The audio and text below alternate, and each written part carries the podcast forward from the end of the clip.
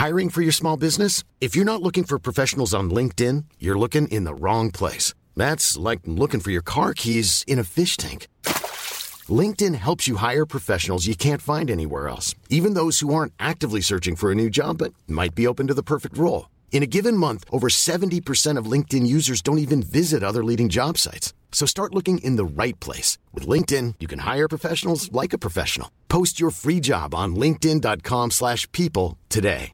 Burrow's furniture is built for the way you live. From ensuring easy assembly and disassembly to honoring highly requested new colors for their award-winning seating, they always have their customers in mind. Their modular seating is made out of durable materials to last and grow with you. And with Burrow, you always get fast, free shipping. Get up to 60% off during Burrow's Memorial Day sale at burrow.com slash ACAST. That's burrow.com slash ACAST. burrow.com slash ACAST. Wow. Nice. Yeah. What you're hearing are the sounds of people everywhere putting on Bombas socks, underwear, and t-shirts made from absurdly soft materials that feel like plush clouds. Yeah, that plush. And the best part? For every item you purchase, Bombas donates another to someone facing homelessness. Bombas. Big comfort for everyone. Go to bombas.com slash ACAST and use code ACAST for 20% off your first purchase. That's bombas.com slash ACAST. Code ACAST. Såklart att han satte oss i Rosenberg i logen också. När, när Det är ingen slump att han kom. Alltså jag garvar som fan. Peter öppnar så står det Rosenberg och Jocke med hans historik. Och jag bara, ja ja. Och som av en händelse. Men det är ju precis så här man ska hålla på, eller hur? Absolut. Det, det är ju det som gör att vi eh, har någon som eh, lyssnar på oss överhuvudtaget. Så är det.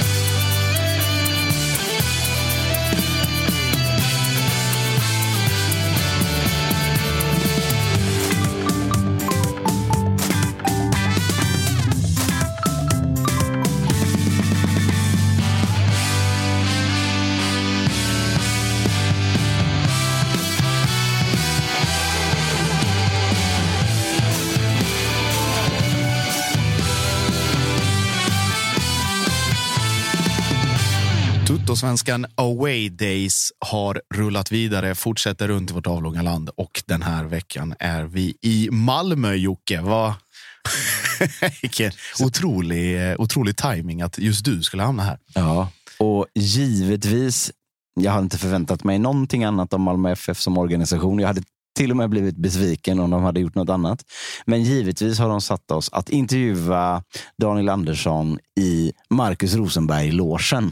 Ja, det kan kallas slump. Jag tror det inte. Nej, utan det var i högsta grad medvetet. Det kom en, inte. kom en liten påminnelse här också från presschef Peter Solmer som frågade, visst är det IFK Göteborg du håller på? Bara för att Visste han ju såklart. Ja, det är klart han visste. Så det, men det, det gjorde mig glad. Och något annat som gjorde mig glad är ju att eh, vi fick en, en fin timme med Daniel Andersson där det var väldigt mycket högt, eh, en del historiskt lågt. Tänker på framförallt när vi begravde en myt faktiskt. I, Ja, jag, jag, jag, var, jag var lite nervös för att ställa frågor. Det såg du på mig va? Ja, det jag, var- jag tog sats och bara, nu kommer en tung fråga här. Men det får vi se.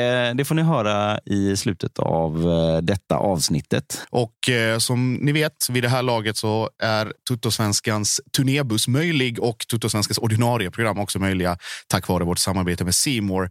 Och eh, om en vecka så vet ni att det är dags för premiär i både allsvenskan och superettan. Och med ett simor abonnemang så missar du ingenting från Discovery Plus sändningar som finns hos Simor. Så utöver detta finns det också serier, filmer, fotboll i världsklass, bland annat Serie A, La Liga och stundande kvartsfinaler i Champions League. Så för att vara helt redo inför den allsvenska säsongen, men även den eh, otroliga avslutningen i våra ligor runt om i Europa, inklusive Champions League, skaffa ett simor abonnemang nu. Och vill ni att Tuttosvenskan ska fortsätta rulla så är det väl den kanalen man ska vända sig till för att se allsvenskan som börjar nu. Så är det. Nu ska ju inte vi sitta här och gagga mer eh, själva Josip, utan vi gör helt enkelt så att vi tar in Malmö FFs sportchef. Daniel Andersson, välkommen till eh, Tuttosvenskan. Tack så mycket. Vi tänkte börja med det helt unika greppet och försöka lära känna dig lite närmare genom vår egen faktaruta. Okej. Så vi kör på bara här. Bara kör på. Hela ditt namn, inklusive smeknamn och andra namn. Ja, hela namnet är Daniel Jerry Andersson. Sen eh, Brukar väl kallas Danne av de flesta. Var kommer Jerry ifrån? Ja, det får du fråga morsan och farsan. Alltså. Jag vet inte vad de tänkte. Det var ingen sån här eh, stor förebild i, i bygden som hette Jerry. Nej, inte Jerry Williams heller. Utan, Nej. jag vet faktiskt inte. De hade väl lite sinnesförvirring där ett tag. Men du borde nästan svara Jerry Williams. Så, så, Det blev lite coolare då, ja. så, så, Precis. så känns det som det fanns en, någon Ja. sorts rock'n'roll inblandat i det. Ja, jag tror inte det faktiskt. Du kommer ifrån Eh, Jag är uppvuxen i Bjärred utanför Malmö. och nu bor du I Höllviken. Så Ja. det är åt andra hållet. andra hållet. Men, Två mil åt andra hållet, ja. Precis. men liknande eh, Malmö församhälle, så att säga. Ja, det skulle man säga. Det är ungefär samma storlek. Så att, eh, det blev två mil åt andra hållet bara. Vem bor du med? Jag bor med min fru Cecilia och eh, vi har tre barn. Filip, Maja och Måns. Så att, eh, ja. Spelar de fotboll? Eh, ska vi säga Filip som är 20 år gammal, han eh, spelar på fortfarande i Näset, spelar division 5. Eh, Maja spelade lite innan men har slutat nu och sen så är då, hon är 18 år, blir, eller blir 18 år. Och eh, Måns blir 10 snart, alltså han spelar i Höllviken. Vilka höll du på när du var liten? Ja, Malmö FF såklart har ju alltid funnits eh, stort i hjärtat. Sen eh, hade man väl lite favoritklubbar ute. Eh, Manchester United höll ju storbröderna på så att, eh, då höll man också på dem. Sen var det väl Real Madrid lite grann i, i Spanien och Juventus i Italien. Så det var väl de klubbarna man var liten. Jag, jag tänkte faktiskt att du skulle svara Malmö FF såklart. Så då tänkte jag, räknade jag lite baklänges och kom fram till att 1984 var du sju år gammal. Vet du vilka som vann allsvenskan då? Eh, just 84 vet jag inte faktiskt. Nej. Ja, det var ju Blåvitt då. Det är det, Okej. det, är- det, jag tänker, det, är det, Ja, enda, ja. det är det enda jag får på det här idag. Ja, ja, ja. ja, det är bra. Ja, ja. Halmstrån. Ja, men precis. Vi måste greppa dem, Josip. För Ja. ni, får tänka att, att jag är i underläge här nu. Så är det, det, så är det är tre Malmö FF-are på Eleda stadion i Marcus Rosenberg-logen och så jag. Så att, eh, man får kämpa. Vad har eh, följande personer gemensamt? Henrik Dorsin, Kanye West. Vad är, vad är det för uttal alltså? Kanye West, Orlando Bloom, Sonja Aldén, Shakira, Ola Salo, Sarah Michelle Gellar, Thierry Henry, rapparen Ludacris, Liv Tyler, Karina Berg, Therese Alshammar, Hassan Settenkaya, Jeffrey Aubyn, Fredrik Ljungberg och Daniel Andersson. finns en gemensam nämnare. Finns det en gemensam nämnare till det? Alltså? Ja. Uh, ja, det, det, den är svår, det kan jag faktiskt inte. Jag är ledsen. Det var ju häftiga namn. Ja, men det var en bra Mm, line-up precis. jag. Att, eh, alla är precis som du födda 1977. Okej. Jag tänkte att du kunde tagit den på Ljungberg och Åbyn där i slutet. Om ni Ja, det några- skulle jag hittat den. Ja. Men de andra kändes inte vara lika gamla som mig. Men, eh, vissa kändes lite yngre och någon lite äldre. Så att, ja, okej. Är du ja. nöjd med eh, generation 77?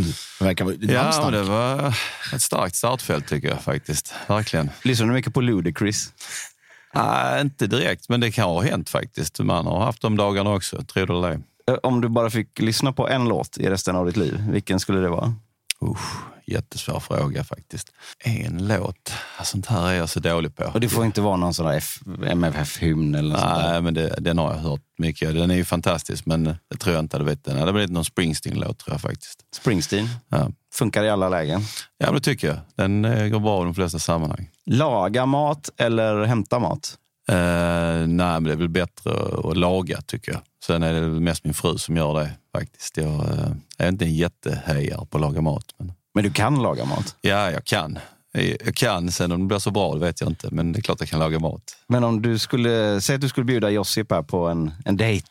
Eller Mm. ett häng kanske då. Och, och, och du verkligen behövde imponera på honom. Varför du nu skulle behöva det.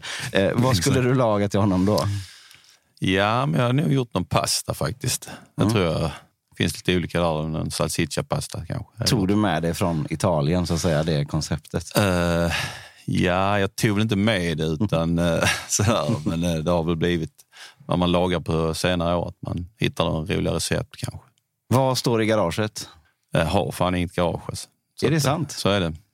Vad, vad står på gatan utanför då, som du kör in till eh, jobbet varje dag? Eh, jag kör en, det är ett lite ovanligt märke faktiskt. DS heter de. Så en DS7. Så, Okej. Ja, inte jätteroligt. Jag bara försökte komma på vad det var. Vad fan det skulle kunna vara. Ja. Men är det, är det de som är någon så här Renault? Ja, det är eh, Citroën. Citroën, precis. Precis. Deras eh, sportmärke, va? Ja, precis. Ja, nu kommer jag få guldstjärna av eh, Ja, min poddkollega som är bilintresserad. Ja, det är bra. Tjänar du över eller under den allsvenska snittlönen på cirka 100k i månaden? Ja, den vill jag inte svara på faktiskt. Då, då, det antyder ju att det är över. Eller vad det säger? Nej, det vet man inte. Det vet man inte. Det hade, Jag varit, duckar många frågor, därför blir det svårt att veta. det, det hade varit sinnessjukt om just du av alla sportchefer inte gjorde det. Men det, det, det får vi respektera om du vill hålla i, eh, i lådan, så att säga. Innan du går vidare Jocke, jag minns tillbaka på ett samtal när jag var rätt ny eh, och ganska grön som journalist. Och eh, Det ryktades om att Carlos Strandberg skulle skriva på för Malmö. Och då jobbade jag på kväll, Kvällsposten och ringer Daniel på chans. Och så säger Daniel, ja, ja Daniel, ja, hej Josip här från Kvällsposten. Så hör man, alltså, det, den, den sucken kommer jag aldrig glömma för den sitter så kollektivt, alltså så djupt inne i hjärnbarken. Det är den här, liksom. jag, ska, jag ska försöka återskapa den så bra jag kan. Ja, vad, vad vill du fråga? Jag bara, ja, stämmer någonting om att, vad vill du att jag ska svara? Svara ja. nej, jag bara, nej det bestämmer ju du. Ja, du vet att vi inte kommenterar. Ja, tack, tack, tack, klick. Och sen var det. Sen var det på tal om att ducka och, och fixa det snabbt. Så det, det fick man lära sig snabbt. Apropå Carlos och, och, och, och lön då, så, så fanns det, figurerade ju en klassisk bild på honom när han hade landat sitt första utlandskontrakt med den största Merca-suven, någon sorts Rolls Royce och något annat som var i samma prisklass som han liksom halvlåg över som någon sorts divan. Så, så att det gissar vi att det var över allsvenska medellönen på, på, på 100k då. Ja, han, kör, han kör lite fräckare bilar än vad jag gjorde. Ja, men Och det, det byttes rätt ofta också, men en härlig kille, verkligen. Visst är du med i minst en WhatsApp-grupp vars innehåll skulle ödelägga flera karriärer om det kom ut? Ja, men det skulle jag väl kunna säga faktiskt. Ja. Jag kan, jag kan avslöja att Jocke Persson han, han, han eh, avslöjade dig lite där. Du var, du, ni var med i samma WhatsApp-grupp, sa han. Ja, ja men det kan ju snackas lite grann med Jocke. Han är god. Så det, det kommer komma ut sen, eh, Tuttosvenskan, de gömda filerna. Ja, precis. Ja. Vilket lag är skönast att slå? Ja, jag eh, måste faktiskt säga IFK Göteborg. Faktiskt. Det, eh, det sitter ju rotat lite grann i den här eh, i själen att det har alltid varit den, den stora rivalen. Så det är alltid gött att tvåla till här. Med, med tanke på eh, så här, maktförhållandena just nu i Allsvenskan så, så får jag ta det som en komplimang ändå. Eller vad säger du? Ja. Även om det var bara en plats som skilde förra året. Eh, Men eh, innan du- eller innan vi går vidare, är det fortfarande Blåvitt både som, som sportchef eller var det liksom med när, när du spelade själv också? Ja, men det tyckte jag nog. Alltså, det, det är som sagt när man är uppvuxen här, man har gått på, på stadion och sen liten, då var ju som Göteborg och Malmö var liksom den stora fighten både på 80 och 90-talet. Så att, eh, det, det ligger kvar. Sen är det klart, det finns många andra lag som är gött att slå. Så att, eh, men ska jag välja ett så bär det IFK. Det malmöitiska hade nästan annars varit att ta något lag, utländskt lag istället. Som att vi, är inte, vi är inte på samma arena. Så säga. Men, ja, det, jag, jag tar den också. Nej, Allsvenskan är fortfarande viktigast. Faktiskt. Ja, det är bra. Vad är det märkligaste som du har varit med om under en match? Under en match? Ja, men det var väl eh, just samband med IFK Göteborg borta. Det var en ganska märklig händelse där. Ju med, tråkig händelse, men också att man, man eh, ja, med Tobbe Sanna där Ah, som, som kastade upp till publiken. Det var rätt så märkligt. eh, Men ja, Det var en helt ny grej som du inte har varit med om innan. jag har inte varit med om det innan. Nej. Alltså, knallskotten i och för sig, men sen att man tar och kastar upp en hörnflagga. Det, det var nytt. Ja, den, den har vi inte sett Nej. varken före eller efter. Nej. Och kanske vi ska vara glada för det också. Precis. Mm. Hur eh, ser din eh, CV ut om du skjuter brett så att säga? Eh, Om vi börjar med spelarkarriären. Börjar i, hemma i Bjärred antar jag? Precis. Spelade där till jag var 16 år. Debuterade i A-laget när jag var 13-14, där division 4. Så Division spelade ett par, Mm. par säsonger där, sen gick jag till, till MFF och sen ja, debuterade när jag var 17 års ålder. Mot IFK Göteborg faktiskt. Fick eh, göra mål mot Ravelli i debuten, så det var stort. Sen, Ständigt återkommande detta i IFK Göteborg. så Alltså. är det, exakt. Ja, nej, men, eh, nej, sen blev det väl tre och en halv säsonger i, i MFF innan jag stack till Italien. Bari först, tre år. Eh, tre bra år skulle jag säga. 16 mål såg jag på Wikipedia, om man kan lita på det. Ja, det kan ju stämma i, i Serie A. eh, i där. Då, ja, precis. Det blev väl några mål i, kuppen också kanske. Men, Är, är det, det är din bästa tid, så att säga? Din prime, tycker du? ja, det tycker jag. Det, var, då, det funkar riktigt bra. Jag hade en viktig roll och var kapten och så. Sen, sen hade jag ett jäkla skitår i Venezia. Tråkig liten uh, grej innan där. Jag har ju skrivit på för Fiorentina, men det gick de i konkurs och så blev inte det av. Men i alla fall så hamnade jag i Samparinis eh, hårdsatsande Venezia. Det var inget, inget bra år alls faktiskt. Det var tufft personligen och tufft för laget, så det var ett lite tråkigt år. Eh, sen så var en sjuk grej där. Jag köpte ju Samparini Palermo eh, i den vevan. Och Då skulle alla spelarna över dit. Och, eh, jag var väl inte så sugen på att spela i CB utan blev ändå överskriven till Palermo men lånades ut till. Eh, Så, så var- rent tekniskt har du också tillhört Palermo? Då? Exakt, jag ägdes av Palermo. Ja. Eh, Men jag skrev på bägge papperna samtidigt så att jag lånades ut till Kiev där i Verona. Det var ett bra år. Vi blev sexa i, i Serie A, sexa, sjua skulle jag säga. Och, eh, rullade på rätt så bra. Och sen så eh, kunde inte de köpa loss mig eh, och så blev det ett nytt lån. Där så jag valde lite fel. Jag valde med ett klubbar. Blev Ancona på grund av att jag gillar tränaren. Men så fick han kicken efter tre matcher. Så ja, det var ett konstigt år faktiskt där också, lite klydd. Så um, gick väl det rätt så okej personligen, men var lite trött på det då. Det var ekonomiska svårigheter, de gick också i konkurs, Ancona. Så uh, hade brorsan kommit hem då 24 från Barcelona och så spelat en del landskamper ihop men aldrig spelat i, i MFF ihop. Så jag tänkte jag drar hem. Det hade varit häftigt att göra något ihop. Så det var gött. Vi drog hem och tog SM-guld ihop. Sen så vad blev det sen? Spelade väl till 2011 någonstans där jag slutade. Men det blev ändå några matcher 2012 och en par matcher 2013 också. Fast, Det är en sån som hänger kvar. eh, ja, egentligen inte. Eh, utan det är mer att de kastade in mig. Jag har svårt att säga nej snarare. Så att, eh, typ så. Sen assisterande tränare två år och sen sportchef sen 2014. Vad- vad Jag tänkte, man fastnar ändå lite på den här Fiorentina-grejen. Mm. För, för då kändes det som att du verkligen var på väg någonstans eh, i, i liksom, upp i, i någon sorts klubbhierarki i alla fall. Jag har hört att det var liksom Inter och andra klubbar som var sugna också. Och så att en klubb i Serie A går i konkurs, liksom det, det känns inte som det finns, fanns på kartan då, men det kanske finns nu. Men var det en jättesån sliding doors moment i karriären, tycker du? Eller? Ja, men det är klart. Det var, det var tufft. Ja, men det var tufft. Det var ju en hel del lag man valde mellan och så valde vi Fiorentina, kändes som rätt steg. Så allt var klart, men två dagar innan vi åkte på träningsläger, där i juli någon gång, så ringde de och sa att det var annullerat. Så att, såklart tufft och då var de alternativen lite borta så sent i fönstret. Och var inte så många som kunde slanta upp de här 70 millarna. som- Ja, de hade lagt pengarna på andra spelare helt enkelt. Då. Ja, och tagit andra spelare. Men eh, Sambarini var väl beredd att lägga de här 70 miljonerna. Så det var inte så mycket att välja på faktiskt. Så det blev det. Och då ville man vara kvar i Italien på något sätt när man har eh, fått fäste i den ligan och sådär också. Ja, ja, jag vet. Det var väl typ det alternativ som presenterades. Så, så att det var bara att köra. Det kändes väl rätt så okej när jag valde. Det var inte Fiorentina, men sen, sen blev det jävla skit faktiskt. Så kan det vara. ja. Men vad, Inter, vad, vad fanns det fler på bordet där då? Ja, det var även lite klubbar utomlands, men av den digniteten. Och det var ändå en ganska hög transfersumma på den tiden, så det var inte så många som kunde pynta de pengarna. Nej, för, för man sitter, sitter tillbaka på karriären och säger att man ångrar någonting. Men det är svårt att ångra något som man inte kan veta om heller. Liksom. Men, Nej, nej, det är klart. Jag skulle med facit hand valt Inter, men så är det. Det hade kanske inte suttit här idag. Nej, men det på- blev, det blev något annat. Det blev något annat. Det är så jag tänker. Det blev hem lite tidigare. Det kanske det hade blivit och fick skapa lite historia här. Och sen har jag varit en sportchef. Hade jag kanske inte varit då. Liksom. Så, att, så är det. Ledar och tränarkarriären så att säga. Då. Du, du har ändå varit eh, assisterande tränare för, för Malmö. Var det för Nordling kanske? Eller? Precis. Ja. Ja. Och sen så har du varit tillförordnad tränare ett par matcher, va? 2018. Precis. Och sportchef sen 2014 sa vi, va? Mm.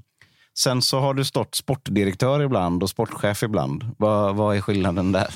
Ehm, ja, det är väl egentligen lite ansvar och sen är det väl titeln. Man, I fjol, så inför förra året, så gjorde vi en liten omorganisation där Niklas Carlén tidigare har varit eh, chef över sporten. Vi har ju ungdomssidan, damsidan, här sidan och våra akademier som är våra ben i, i sporten. Men så blev jag chef över alla de sektionerna och vi anställde ju en sportchef för herrarna. Ehm, Georgsson. Precis, Andreas det tog den, tog den rollen under fjolåret. eh, Och eh, sen har vi skiftat tillbaka nu igen. Men eh, jag är fortfarande chef över allting, men man kallar det sportchef istället för sportdirektör och det känns skönt. Okej, det, det, Så jag sitter i två rutor nu kan man säga. Jag är både sportchef överallt men även sportchef här. du har inte såna direktörshatt längre på dig? Nej, den, runt i den, korridoren. nej precis. Promenadkäppen är hemma lämna precis. Ja. Men hur ser organisationen ut då för den som kommer utifrån? Då, då är det först vd så att säga. Och sen så kommer sporten där du är chef slash direktör. Precis. Ja. Ja. Och under dig, hur ser det ut där då? Eh, ja, om du tar på, på dam nu så har vi anställt eh, Maxim Khalil som är assisterande sportchef och huvudtränare för damlaget. Så att han hjälper ju till med damsidan. Och sen är jag ju då sportchefen för eh, herrarna. Per Ågren är sportchef eller akademichef. Sen har vi Jan-Ove Kinnvall som är chef över akademierna. Så, så är det liksom organisationen för sporten. Sen är jag chef över dem. Det blir, det blir inte konstigt att fråga vad Gersson gör nu eller? Eh, Nej, inte alls. Han är teknisk chef, eh, så han ligger ju liksom eh, i alla lagarna. Så att han jobbar över föreningen med strategiska bitarna. Både med dam och herr, ungdom och akademierna. Så att, vi är liksom ett team ihop där, men han är ju under mig. Vem är det som du svarar inför? Det är vd då så att säga. Precis. Och det är en chef. Ja. Vilka behöver godkänna om du ska värva eller sälja en spelare? Det är styrelsen ju, som gör det. Så att, eh, processen där är väl att vi, ja, vi tar fram alternativ och sen så har vi även en, eh, en sportkommitté som till delar av eh, styrelsen. Så diskuterar man lite grann där och sen så läggs det fram till, till styrelsen och sen godkänner de helt Mm. enkelt. Jag tänker på Andreas roll nu som, som teknisk chef. Skulle man, om man ska dra någon parallell till internationella fotbollen, går det att likställa med någon form av Edvin van der Sar-roll i Ajax? Alltså att det är någon form av, hur ska jag säga, kontrollorgan som ser till att det följer den här röda tråden eller den himmelsblå vägen som Malmö kallar den och att allt, hela verksamheten liksom genomsyras av samma arbetssätt och metodik och, och den typen av saker. Ja, jag har inte jättekoll på van der Sar, men du beskrev det bra. Mm. Så att, eh, ja, det var bra beskrivet. Ja, då, Någon, någon sorts ideologisk och andlig ledare i, i, i alla rum på något sätt. Ja, nej, men det, man kan säga när man är sportchef så är det, det är mycket, det är mycket, alltså mycket dagligt du tar hand om. Så här, liksom. så de här lite långsiktiga processerna, ibland att faller liksom bort. Så att, eh, eh, han ser till så att hjulen snurrar kan man säga och att vi jobbar framåt. Sen har han ju även ansvar för scoutingorganisationen så att eh, han är ju högst delaktig i den processen. V- vad sa du? Sportkommitté sa du också va? Ja, precis. Vilka sitter i den? Ja, det är ju från styrelsen så är det Marie Eversson och eh, Pontus Hansson som sitter den. Sen så skulle jag gissa att eh, Anders Jönsson kommer att gå med i den också nu som är ny i styrelsen. Sen är ju Niklas Carlén vdn och så är det jag. Så det är ganska korta beslutsvägar ändå på något sätt. Det är inte eh, ett styrelsemöte för varje, varje gång som man ska låna ut en spelare så att säga. Nej, alltså vissa saker kan vi ju ta, liksom utlåningar och så. Men större spelarköp så måste vi, och försäljningar måste vi ta med styrelsen. Och om man ska byta tränare så är det den vägen också gissar jag. Ja, ja absolut. Det är styrelsens beslut. när vi, tänk, eller när vi pratar om den här eh, sportkommittén också, är den här en följd, alltså för lyssnartransparens, är det en följd av den här utvärderingen som gjordes efter förra säsongen eller är det någonting som ni har arbetat med under en längre tid? Nej, den har funnits Alltid. eh, ja, länge, ska jag Ja. säga. Precis. Ja, och för att då återknyta lite till den, du behöver inte gå in i detaljer såklart, men över det, det här utvärderingsarbetet som gjordes där liksom Malmö valde att gå tillbaka till organisationen med dig som sportchef och ny roll för Andreas och så vidare. Vilka, i generella ordalag, vilka var de liksom, nyckelfaktorerna som gjorde så att man valde att gå tillbaka till, till den här strukturen man har nu? Uh, ja. Det, det är väl så, egentligen så handlar det väl... Eh, det är större än så. Dels är det ju att vi har tagit Henrik också som ny huvudtränare, en del av det. Men, men lite grann eh, där man kanske utnyttjar våra kompetenser på bästa sätt, skulle man väl säga, är en del i det. Så det är lite personer, men så också organisationen i, i stort också tror vi att vi blir ännu vassare. Så här. Har du någonsin haft ett, ett vanligt jobb så att säga utanför fotbollen? Nej, Aldrig. nej. Det har varit lite sommarjobb kanske. Så därför, men annars har det inte det. Man, man spelar ju fotboll, det gör man. Och sen, sen blev jag direkt assisterande tränare så att, eh, och sen sportchef. Så att, nej, jag kan inte så mycket annat. Nej, fast nu så kan du ju ändå eh, vara ganska högt uppsatt i en jävligt stor organisation. Är det sånt som du kikar på någon gång längs någon annan horisont och, och vara i näringslivet? Eller är det fotbollen som är det som drar dig? Just nu så brinner jag så mycket för detta och för föreningen. Liksom, så det är egentligen där tankarna är nu. Sen så är det klart, alltså det är ett väldigt eh, det är ett intensivt jobb ju, som är alltid, hela året om, hela tiden. Så, men jag kör på så länge jag tycker det är roligt och, och där folk tycker jag bidrar. Du ska inte bli någon så stor börs-vd i, i, nej, det, i finansbranschen? Så att nej, säga. nej, det ska jag inte. Jag, tror- jag tror inte jag hade fixat det faktiskt. Det tror jag inte. Man vet aldrig. Nej, nej. Vi eh, försöker ju lära känna våra gäster eh, på djupet. Så vi har faktiskt tagit hjälp av en, en eh, gammal lagkamrat till dig som heter vadå, Josip? Berang Safari. Ja, ja, bara ja. Om jag hade fått sammanfatta eller beskriva Daniel Andersson med ett ord så är det fan tjurskalle. Herregud. Det finns nog ingen människa med större och hårda pannben. Det fanns liksom inget för skojs skull, utan fan, var det liksom tävling eller någonting så skulle det liksom vinnas alltid. Jävlar vad han kunde bli också riktigt tjurig om det liksom inte gick hans väg. Eh, och, men det, oftast gick det ju hans väg och han vann och då var allting, alla var glada och nöjda. Men, men eh, man får ändå säga det, fan imponerande. Vilket, vilket jävla pannben. Eh, jag kan tänka mig här nu utan att säga någonting. Eh, där hemma har nog hans kids och fru nog aldrig lyckats vinna mot honom. För att just för skojs skull existerar kanske inte det ska finnas. Sen ska inte jag säga att vi andra är, är jätte, hur ska jag säga, lätta att handskas med där hemma heller. Jag har fan inte låtit mina kids vinna någon gång heller. Men, men eh, Daniel Andersson, en jävla tjurskalle du. Vad känner du när du hör eh, Berra? Ja, nej, men det är jag. Jag är rätt så tjurskallig faktiskt. Det, det får jag säga. Och det är väl det som driver en. Man, man ger inte upp. Det är väl i alla sammanhang. Så att jag är tjurig, verkligen. Har det, har det alltid varit så liksom på en jämn nivå eller har det gått upp och ner med, med åren? Nej, alltså, alltså man kan säga det där när ni går in på med hemma så har det ju såklart, det, är- det är ju stor skillnad. Men förr var jag rätt så hemsk skulle jag säga där. Men det har blivit mycket bättre och det är klart att eh, jag inte alltid vinner hemma. Sen är det ju så, har vi midsommar, då är lekar, då avstår jag. Jag inte med. inte med. Det är bäst. Jag känner så här, här plockar vi in Safari för att få veta lite om hur du är bakom kulisserna så att säga. Och så bekräftar han istället alla mina fördomar om dig. Ja. det, det är synd att han ska göra så. Ja. Hur, hur- visar sig den här tjurskalligheten i arbetet som sportchef, direktör? Då? Nej, men det är väl egentligen där att jag, jag ger mig aldrig. Faktiskt, det gör jag inte. Och vill man någonting så kämpar på så länge det går. Liksom, har man bestämt sig att vi ska få igenom någonting så, så brukar jag ja, kriga på så långt det går. Så att, eh, det är väl det, eh, både positivt och negativt. Men det är klart att jag blir, kan bli lite eh, upprörd när det inte funkar. Sen så släpper det rätt snabbt. Det är som jag säger till min fru, det är bättre att jag brusar upp snabbt och sen är jag glad. Jag är inte långsint, utan eh, vi bränner av det och sen är det bra. Det, det låter ju nästan på Safari här som att familjen befinner sig i någon sorts skräckvälde. Men det tror inte jag att, att det funkar så. va?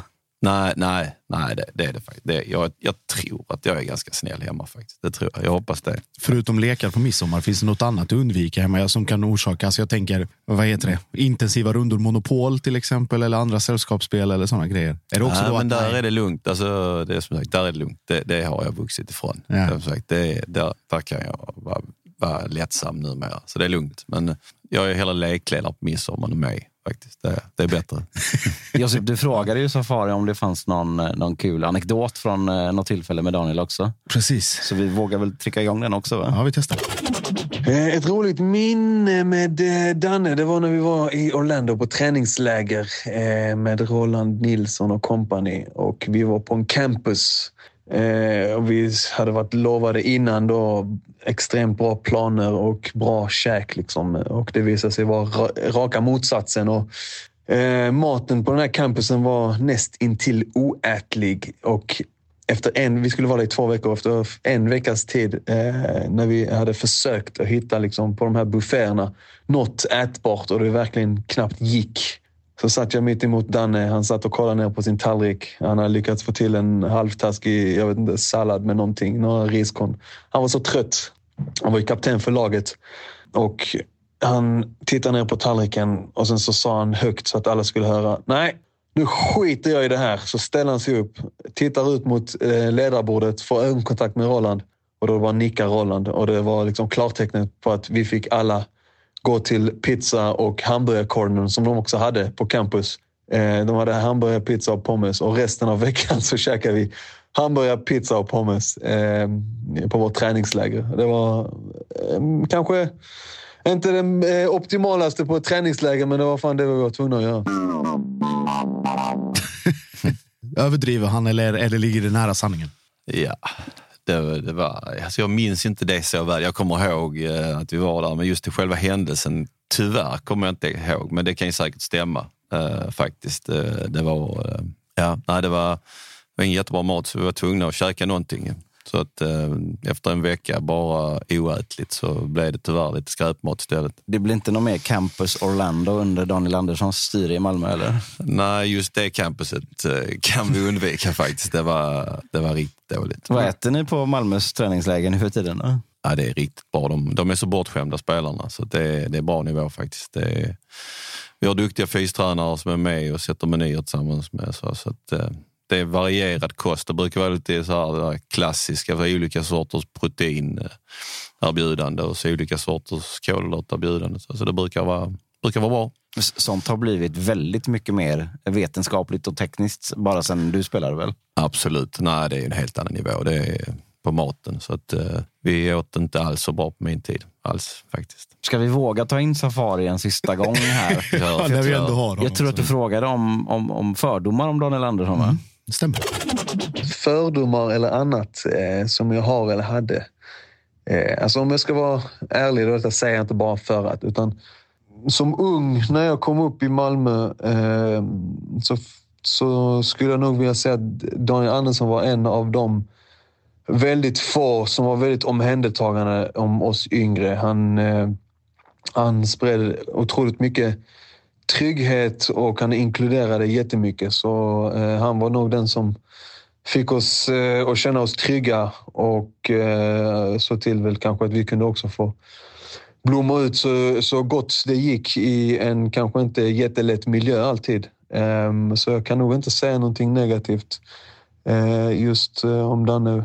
Eh, jag kommer ihåg han var, han var kaptenen ehm, och han var den som såg till att vi alla presterade helt enkelt och han eh, stod upp för oss alltid. Så jag kan tyvärr inte säga någonting negativt om honom som, eh, som lagkamrat jag hade på den tiden. Eh, men det, och jag vet också på den tiden att det uppskattades extremt mycket av oss andra yngre.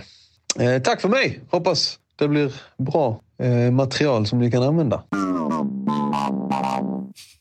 Ja, var det den här eh, omhändertaganderollen? Kommer den liksom, har den alltid funnits eller är det någonting som växte fram när du kom till MFF? Eller tänker på brorsan och farsan hemma också? Liksom. Bara...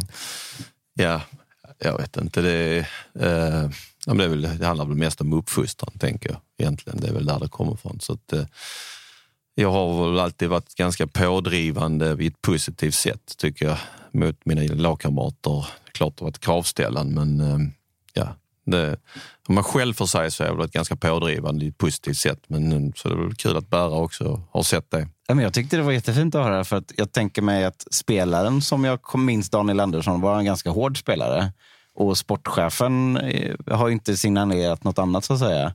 Men ändå att det är du som tar hand om eh, junisen när de kommer upp. Det, det, det hedrar dig. Är det på samma sätt? Känner du att det är du som har till uppgift så att säga att ta hand om Malmö FF idag? Ja, alltså ledarskapet är ju, det, är ju, det finns ju många nivåer i ett ledarskap, men det är klart att det finns ett omhändertagande det också och empati och bry sig om människor. Jag tycker det är viktigt att man visar att man bryr sig om, eh, om alla. Eh, det försöker jag göra. Sen har jag ju dåliga dagar och lite bättre dagar som alla andra. När det kommer till den empatiska delen och liksom allting som händer utanför planen så har det ju varit väldigt mycket snack och skriverier om eh, Buya Turais situation med hans fru som befinner sig ut, utomlands. Det finns ett pågående migrationsärende och så vidare. Hur jobbar klubben eller vad gör ni i och runt laget för att försöka underlätta för honom så, så mycket som möjligt? För att uppenbart så, så påverkar det ju honom även på planen. Ja, nej men eh, om man säger klubben så försöker vi ju stötta honom så gott vi kan. Vi har liksom gett han ledigt så han kan åka och träffa familj. Eh, när han är här såklart så frågar man ju och vi ser till så att det finns stödfunktioner om man vill prata med psykolog. Alltså, så att det är det vi gör. Sen så alla som är här, både spelare och ledare och eh, man inkluderat, försöker liksom bry sig om honom och kollar med honom. Sen, så är det en tuff situation. Blir det en lite märklig sak när det är sådana ärenden? För, för jag känner igen liknande ärenden som vi, som vi har haft i, i, eh, i Göteborg. För det är så himla jäkla många som tycker att Malmö FF i det här fallet det är det viktigaste som finns i hela mitt liv. Och att då en spelare, att han inte får gå före i någon sorts kö. Sådär. Det känns nästan, när man är i den bubblan, som vad fan, lös det här bara. Men å andra sidan så är det ju inte så det ska fungera. Hur, hur, hur känner du i sådana ärenden? Liksom? Nej, nej, men vi ska såklart inte ha någon, någon förtur där. Utan eh, det är ju tråkigt att, att systemet är så tungrot som det är. Att det tar så lång tid för, för alla människor som är här att få hit sina nära och kära. Och det är klart att inte vi ska gå före i någon sån. Men det kan kännas som att det finns en förväntan nästan på att, att du ska lösa det. Ja, precis. Så är det ju. Och så kanske det är lite i andra länder att eh, det går lite lättare att lösa för att man är en fotbollsklubb. Men så, så kan vi inte ha det här om eh, vi ska gå in lite mer på situationen för eh, MFF idag. Om, om man tittar lite utifrån, som jag såklart gör, så är det egentligen ett stort frågetecken som jag har för verksamheten som du rattar här. Varför är ni inte helt överlägsna? Ni har mer pengar på banken än alla andra klubbar tillsammans, typ. Och i den moderna fotbollsvärlden så borde det betyda någon sorts Bayern München situation. Men de senaste åren så har ni slutat sjua, etta, etta, tvåa, trea i allsvenskan. Såklart inte dåligt, men ändå inte så dominant som man nog skulle kunna kräva. Eller vad, vad tycker du själv? Ja, alltså förra årets placering är ju absolut inte acceptabel. Samtidigt vinner vi kuppen och går ut i Europa. Så, du eh, sa ju att allsvenskan var bäst. Eller ja, viktigast. Ja, ja nej, alltså jag, det så att, eh, jag sa inte emot dig heller. Mm. Uh, nej, men det, jag, jag, skulle säga att eh, jag tror skillnaden i Sverige med pengar jämfört med andra lagen är inte så stor som det är i de andra ligorna. Och, och eh, det är klart vi vill vinna varje år, men, men allsvenskan är en ganska tuff liga att vinna. Jag tycker de andra lagen gör bra grejer och, och, och, och så. Så det, det, är ibland små marginaler skulle jag säga. Men eh, ja, jag hade gärna vunnit varje år, men, men det är inte så lätt. Sen Ibland när man går väldigt bra under en tid så har man lite svackor så får man studsa tillbaka. Um, ja, typ så. Men ni har ju jäkligt mycket pengar på banken. Gör de nytta på banken verkligen? Ska de inte vara in i, i spelartruppen? Och, och, ni skulle ju kunna köpa den bästa spelaren i varje lag i allsvenskan, nästan. Det kan vi inte göra. Det är fel. Men, uh, men, uh, nej, men vi satsar bra tycker jag långsiktigt. Tycker jag att vi har styrka att vi hela tiden stegrar och utvecklas som klubb. Ehm, vi gör många bra grejer vid sidan om som gör att vi kommer att ha växa och Malmö FF ska vara kvar länge. Liksom. För att vara vad heter det, den totala motpolen från det här, om vi tittar på de investeringarna, om vi räknar från Champions League-pengarna, de när de kom och vad som har gjorts. Eh, vad heter det? Man har köpt loss arenan, man har investerat i faciliteterna, hybridgräs, eh, vad heter det, omklädningsrum här nere, man har ett damlag som snurrar, man har en fortsatt stor satsning på akademin som har bra betyg och så där. Är det, tror du att folk glömmer bort lite grann att pengarna inte syns på samma sätt om det är till exempel dyra spelarköp eller någon investering i, i A-truppen än att pengarna hamnar liksom någon miljon där, fem miljoner där. Vi pratar om mattan till exempel som har renoverats och nu ska, den liksom, ska det komma en ny lösning med täckning och komma under, under marken och så där. Att blir folk lite förblindade av att det bara är A-laget som är liksom skyltfönstret för klubbens verksamhet? Eh, det är svårt att säga. Va? Men, men, men jag tror liksom det är hela tiden det långsiktiga, kortsiktiga. Och, och som jag sa, Malmö FF ska finnas i hundra år till. Och, Samtidigt som vi vill vinna varje år så försöker vi liksom skapa en grund för, för framtiden. Och, och där är alla de grejerna du säger eh, tror och hoppas vi ju att vi har nytta av hela tiden framöver och kommer bli ännu starkare och kan liksom växa och, och bli bättre och bättre. Det är väl så vi tänker. Och sen klart, ska du bara rent kortsiktigt så hade man ju ett år kunnat eh, köpa alla de bästa spelarna. Sen, så, sen kanske du får betala den notan lite senare. Så att jag, jag tycker ändå med Niklas i spetsen att vi vi bygger långsiktigt samtidigt som såklart vi blir med konkurrera och vinna varje år. Men är det strategiska beslut som gör att ni inte går så att säga, all in på spelartruppen? Det är sånt som är från styrelse och ledning? Eller är det... Ja, men det hänger ihop. Men, men vi satsar mycket på, på spelartruppen. Där är stora satsningar. Sen, sen är det alltid så ibland, eh, ibland så lyckas man inte riktigt hundra med värvningar. Eh, eh, ibland är det någon spelare som inte presterar så bra som de gjort innan. Det händer ju också i fotboll eh, och det händer ju oss också. Eh, och ibland är det konkurrenter som träffar helt rätt eh, med värvningar och får ett lag som, som presterar väldigt bra och där alla liksom, stjärnor ligger helt rätt. Det är det som är tjusning med fotboll också. Skulle man bara räknat pengar så hade vi aldrig haft pengar för det hade aldrig gått till Champions League. Vi hade aldrig slått ut Red Bull Salzburg, vi hade aldrig slått ut Celtic. Vi hade inte varit i Champions League om man bara räknat pengar. Det är det som är så härligt också med fotboll, att man man kan eh, hitta bra lösningar med, med, mindre förutsättningar och det finns många, mycket duktigt folk, folk ute i Sverige. Om vi, vi vänder på den andra sidan av pengaspektrat. Det kom ju bara häromdagen, eller igår till och med, eh, när vi spelar in det här, eh, om eh, Hugo Larsson och den här överenskom en påstådd överenskommelse med Bornemouth om att bräcka det allsvenska rekordet med x antal miljoner och så vidare. Var det, känner man någonstans också att man har kom, eller hur långt man har kommit som klubb att spelare som är egenfostrade och som är liksom inmatade i den här MFF-kulturen och andan, att de vågar i det läget ta det beslutet eller att de är så pass mogna att de kanske inte lockas av första bästa lönecheck för, för personligt, eh, av det personliga själv. Ja, det var många saker där. Men, nej, men det är väl klart att eh, dels att få fram en sån spelare eh, är vi enormt stolta över. Och sen även personen visar hur vi jobbar. Också sådana saker vi jobbar hårt med, värderingar för unga spelare som vi tror på sikt. Så att, eh, det var väl en del i det. Så att, eh, det känns såklart bra. Svede, Svede liksom någonstans att fan, det var, det var så jävla mycket på bordet. Vi skulle, skulle tagit det.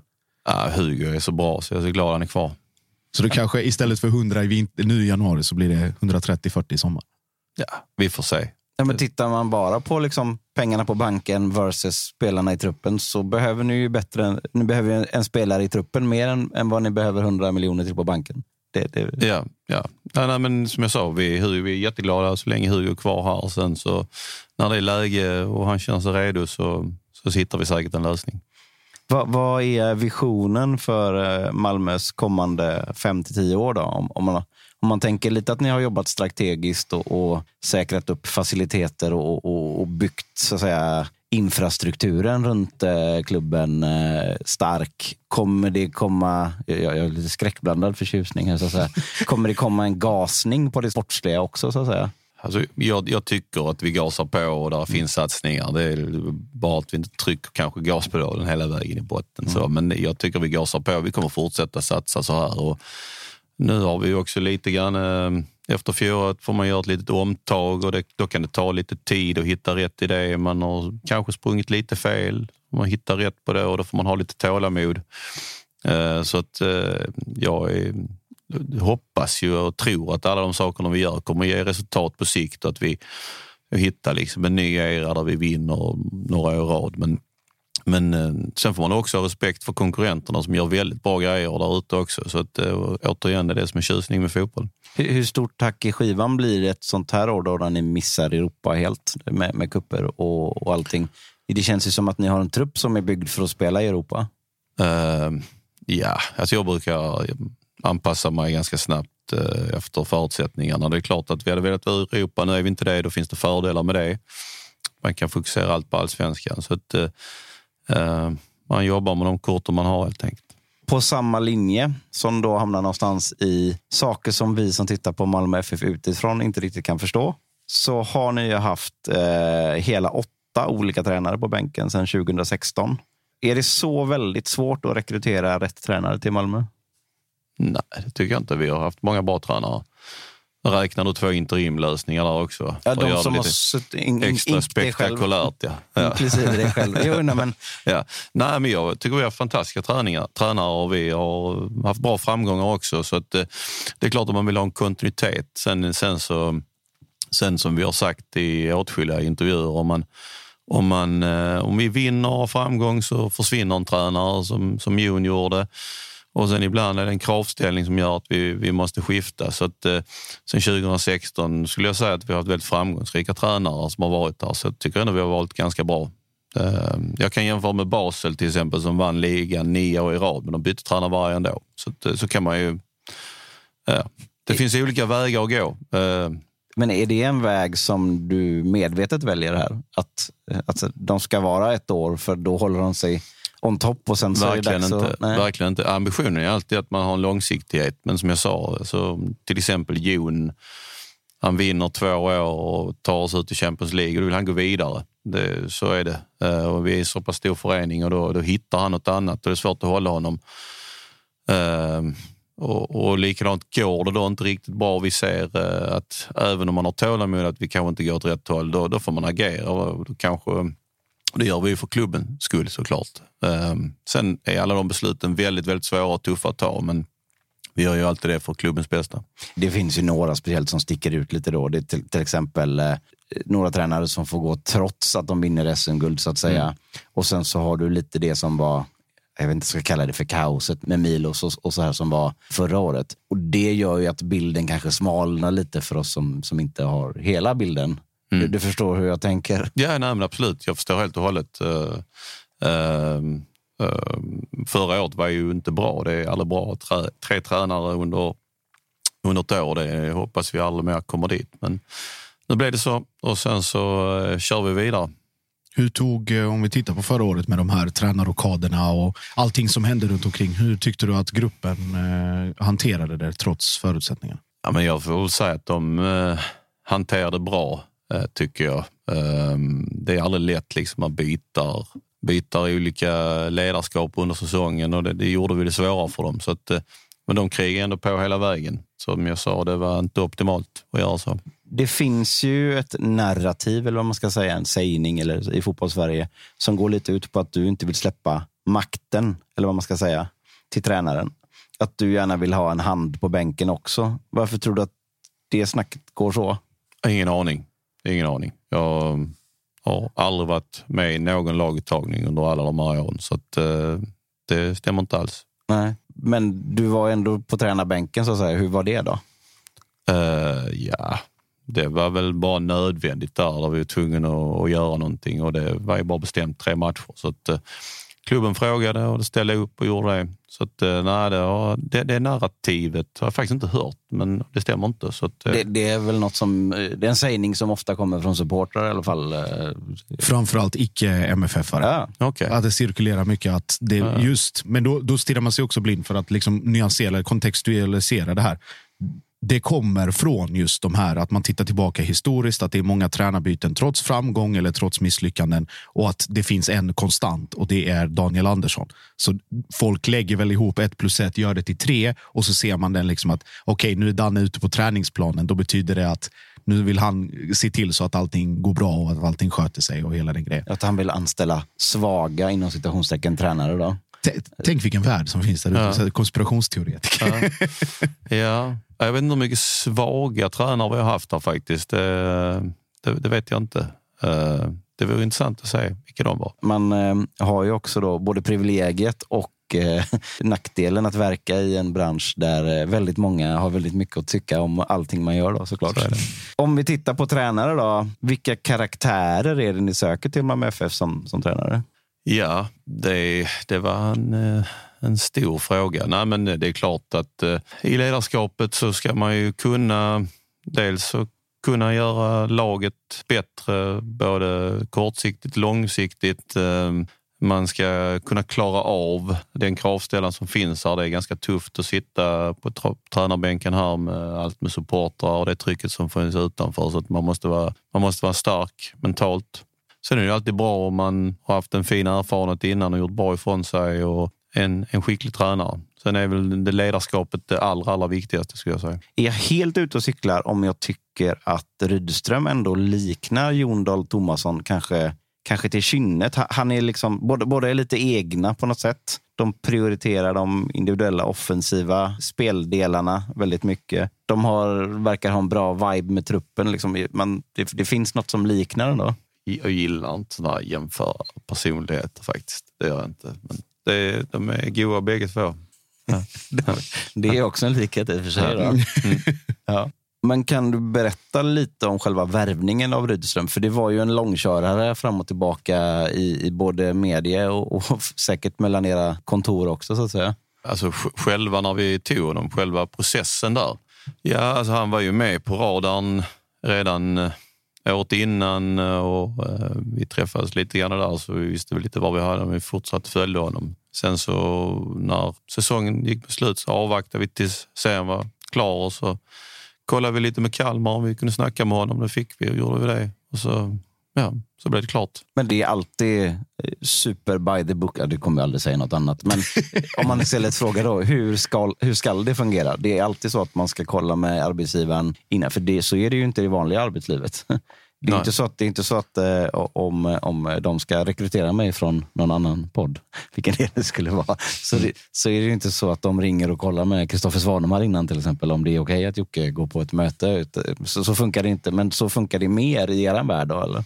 Ja, skulle jag säga. Eh, sen så tror jag inte alltid det är by the book, liksom så här 100 procent. Men, eh, men det är väl klart, det handlar om respekt mot varandra. Vad tror du att Henrik Rydström kommer göra för Malmö FF? Vad är din känsla för det? Nej, men det känns, känns väldigt, väldigt bra. Jag tror att han kommer att skapa en väldigt stabil eh, grund som vi spelar på, eh, som vi kan spela eh, många år framöver. Jag tror också att han har ett ledarskap som kan anpassa sig utifrån eh, olika situationer som kan också utvecklas eh, med oss. Så att eh, vi hoppas på en långvarig relation. Är det skönt att Henrik Rydström är så pass medialt självgående som han är så att du slipper deala med det i största möjliga utsträckning i övrigt? Att när han svarar på frågor så är det långa utläggningar och utförliga svar och så slipper de fråga dig istället.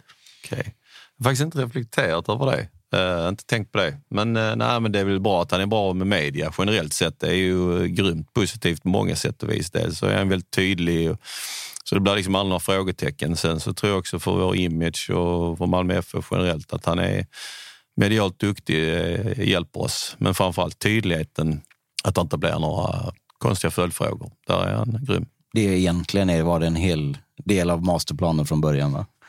Ja, nej, Så du slipper sitta i poddar och Ja, annat. ja, nej, jag funderar, det funderar jag faktiskt inte på. Men det är klart att, eh, att han är medialt skicklig. Kanske hade en liten eh, roll i hela allting. Klart. Jag tänkte att jag skulle fråga dig en lite jobbig sak. För du verkar inte vara någon som backar i första taget heller.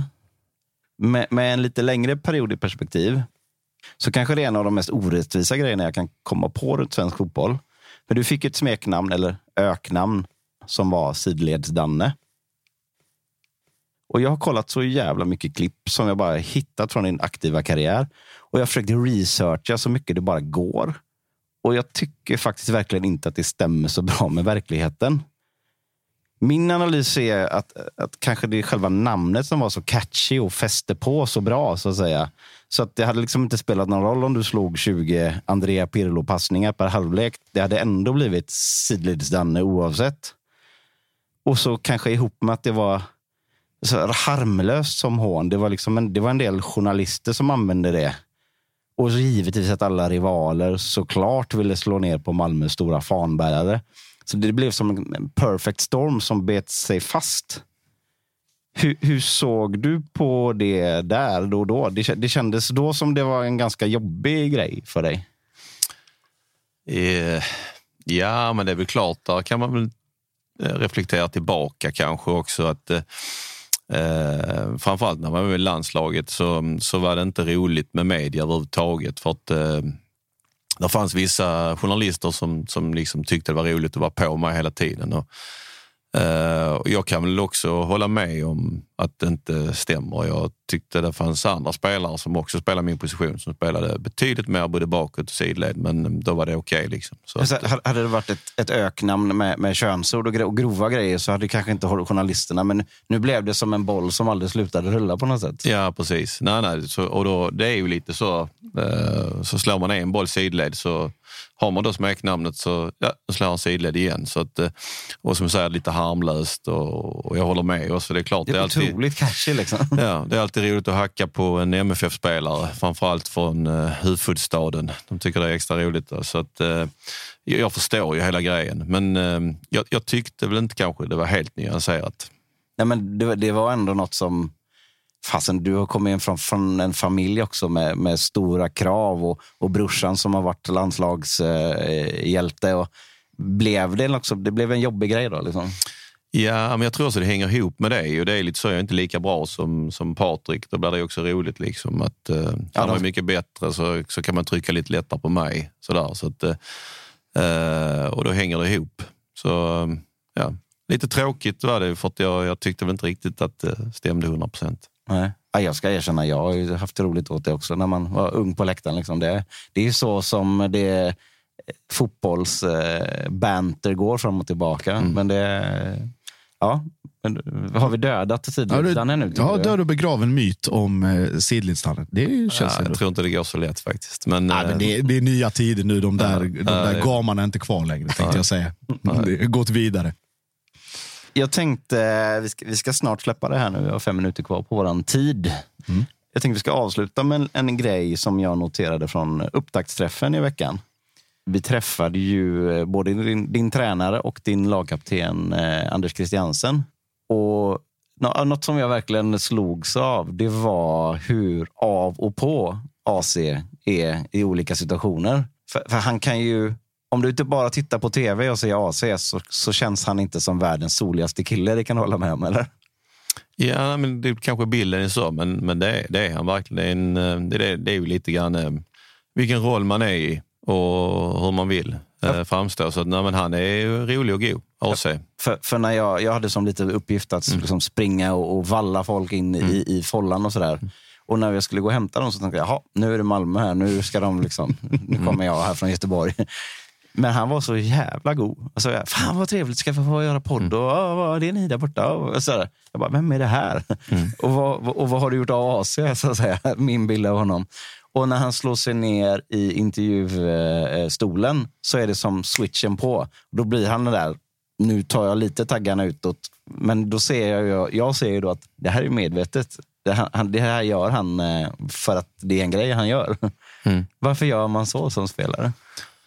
Ja, dels så tror jag väl kanske också att eh, alltså podd är ju lite en speciell situation. Man, man får liksom det är så lätt att man, man liksom Slinta. Inte, slinta lite grann. Alltså man får vara lite fokuserad, så det kan ju också bidra till det. Ni ser, jag är också ganska koncentrerad här nu. Jag är mer lättsam i andra sammanhang. Så att eh, man har lite eh, fokuserad. Sen är det säkert andra som kan även sitta och slappna av och blaja lite mer. Va? Men eh, det är väl att man är lite fokuserad i stunden. Så att det är ett gameface man tar på för att skydda sig. Så att säga. Det, Ja. det här funkar Ja. i alla lägen. Ja, det kan vara lite image också ju. Exakt. Det ena är AC som pratar när han är här. Och sen ute, då är det MFFs lagkapten Anders Christiansen. Och det limmar ju också väldigt mycket med den spelare man ser. Så att det, det är som ett paket som man har snickrat ihop så att säga. Så är det. Ihop med Malmö FFs pressavdelning kanske. Eller vad Ah, jag? vet. Peter De har som sitter ingen- borta i rummet här. Det har ingenting med det att göra. Vad ska jag säga? mm, Ska vi säga någonting eh, framgent om, om eh, säsongen? Vad förväntar sig Daniel Andersson av Malmö FFs säsong? Jag förväntar att vi är uppe och slåss hela vägen om, eh, om SM-guldet. Med underhållande, bra, framåt, riktat spel. Så att, det ska bli kul. Känner du att av de här månaderna som Henrik hittills har varit här och trots kupputtåg och så vidare, men är MFF längre bak i synk eller längre fram än vad du trodde att man skulle vara vid den här tiden? Ja, men jag tror vissa delar har vi rört oss eh, snabbare fram. Ehm, sen är det väl lite kvar på andra bitar. Men ehm, om man säger totalt sett så tycker jag vi är lite längre fram än vad jag trodde. Men ehm, han har, jag tyckte även i, när han var i Kalmar så satte han ganska snabbt eh, lite sitt signum på hur man spelar och det, det ser man ganska tydligt. Så att, eh, sen så är det alltid saker att förbättra och, och vi är i en process generellt sett också i klubben. Jag trodde du skulle säga att det bara är guld som räknas i Malmö. Är det inte så egentligen då? Ja, men Nu vi, sit- Sitter vi här med de här berömda väggarna som det ska sitta i? nej, men vi går alltid för guld. Sen så, eh, sen så får man summera efteråt helt enkelt. Men det är klart vi går för att vinna. Men eh, fullast respekt, där är några motståndare som ser starka ut. Och eh, den avslutningsvis eh, sista frågan, du var inne på det i- ett annat sammanhang, men om vi säger så här. Whatsapp-mannen från London, fortsätter han att skicka meddelanden eh, varje dag? Ja, I stort sett. Alltså. I stort sett. Jag vet inte vad han gör där borta. Han, han, han har mycket fritid i. Nu pratar vi inte den hemliga WhatsApp-gruppen som skulle ödelägga karriären. Nej, nej, det är utan- en helt annan... eh, Det är exakt. Det är en, eh, en, en vid namn PJ med väldigt mycket WhatsApp-kontakt. Så att Så är det. Så är det. Han, är, han är bra på det. Riktigt bra. Mycket bättre än mig. att hålla igång det. Ja, nu trillar min eh, polett ner. Jag var, jag var någon annanstans. Men okej. okej. Ja, vi får, den som lever får se och det hoppas vi att vi gör allihopa. Jättestort tack för att vi fick eh, stjäla en timme av din eh, viktiga tid. Kändes det okej där? Ja, det tycker jag. Vi får se sen vad domen blir. Stort tack Daniel. Gött. I'm worldwide, bitch. Act like y'all know it's the abominable hoe man. Globe Trot International Postman. Neighbor Dick Dope Man. 718s, 202s. I send small cities and states IOU. 901. Matter of fact, 305. I'll jump off the G4. We can meet outside. So control your hormones and keep your drawers on. Till I close the door and I'm jumping your bones. 312s, 313s. 215s, 803. I'll read your horoscope and eat some hors d'oeuvres. 10 on pump one, these hoes is self-serve. 757 410s, my cell phone just overload. I've got hoes. I've got hoes.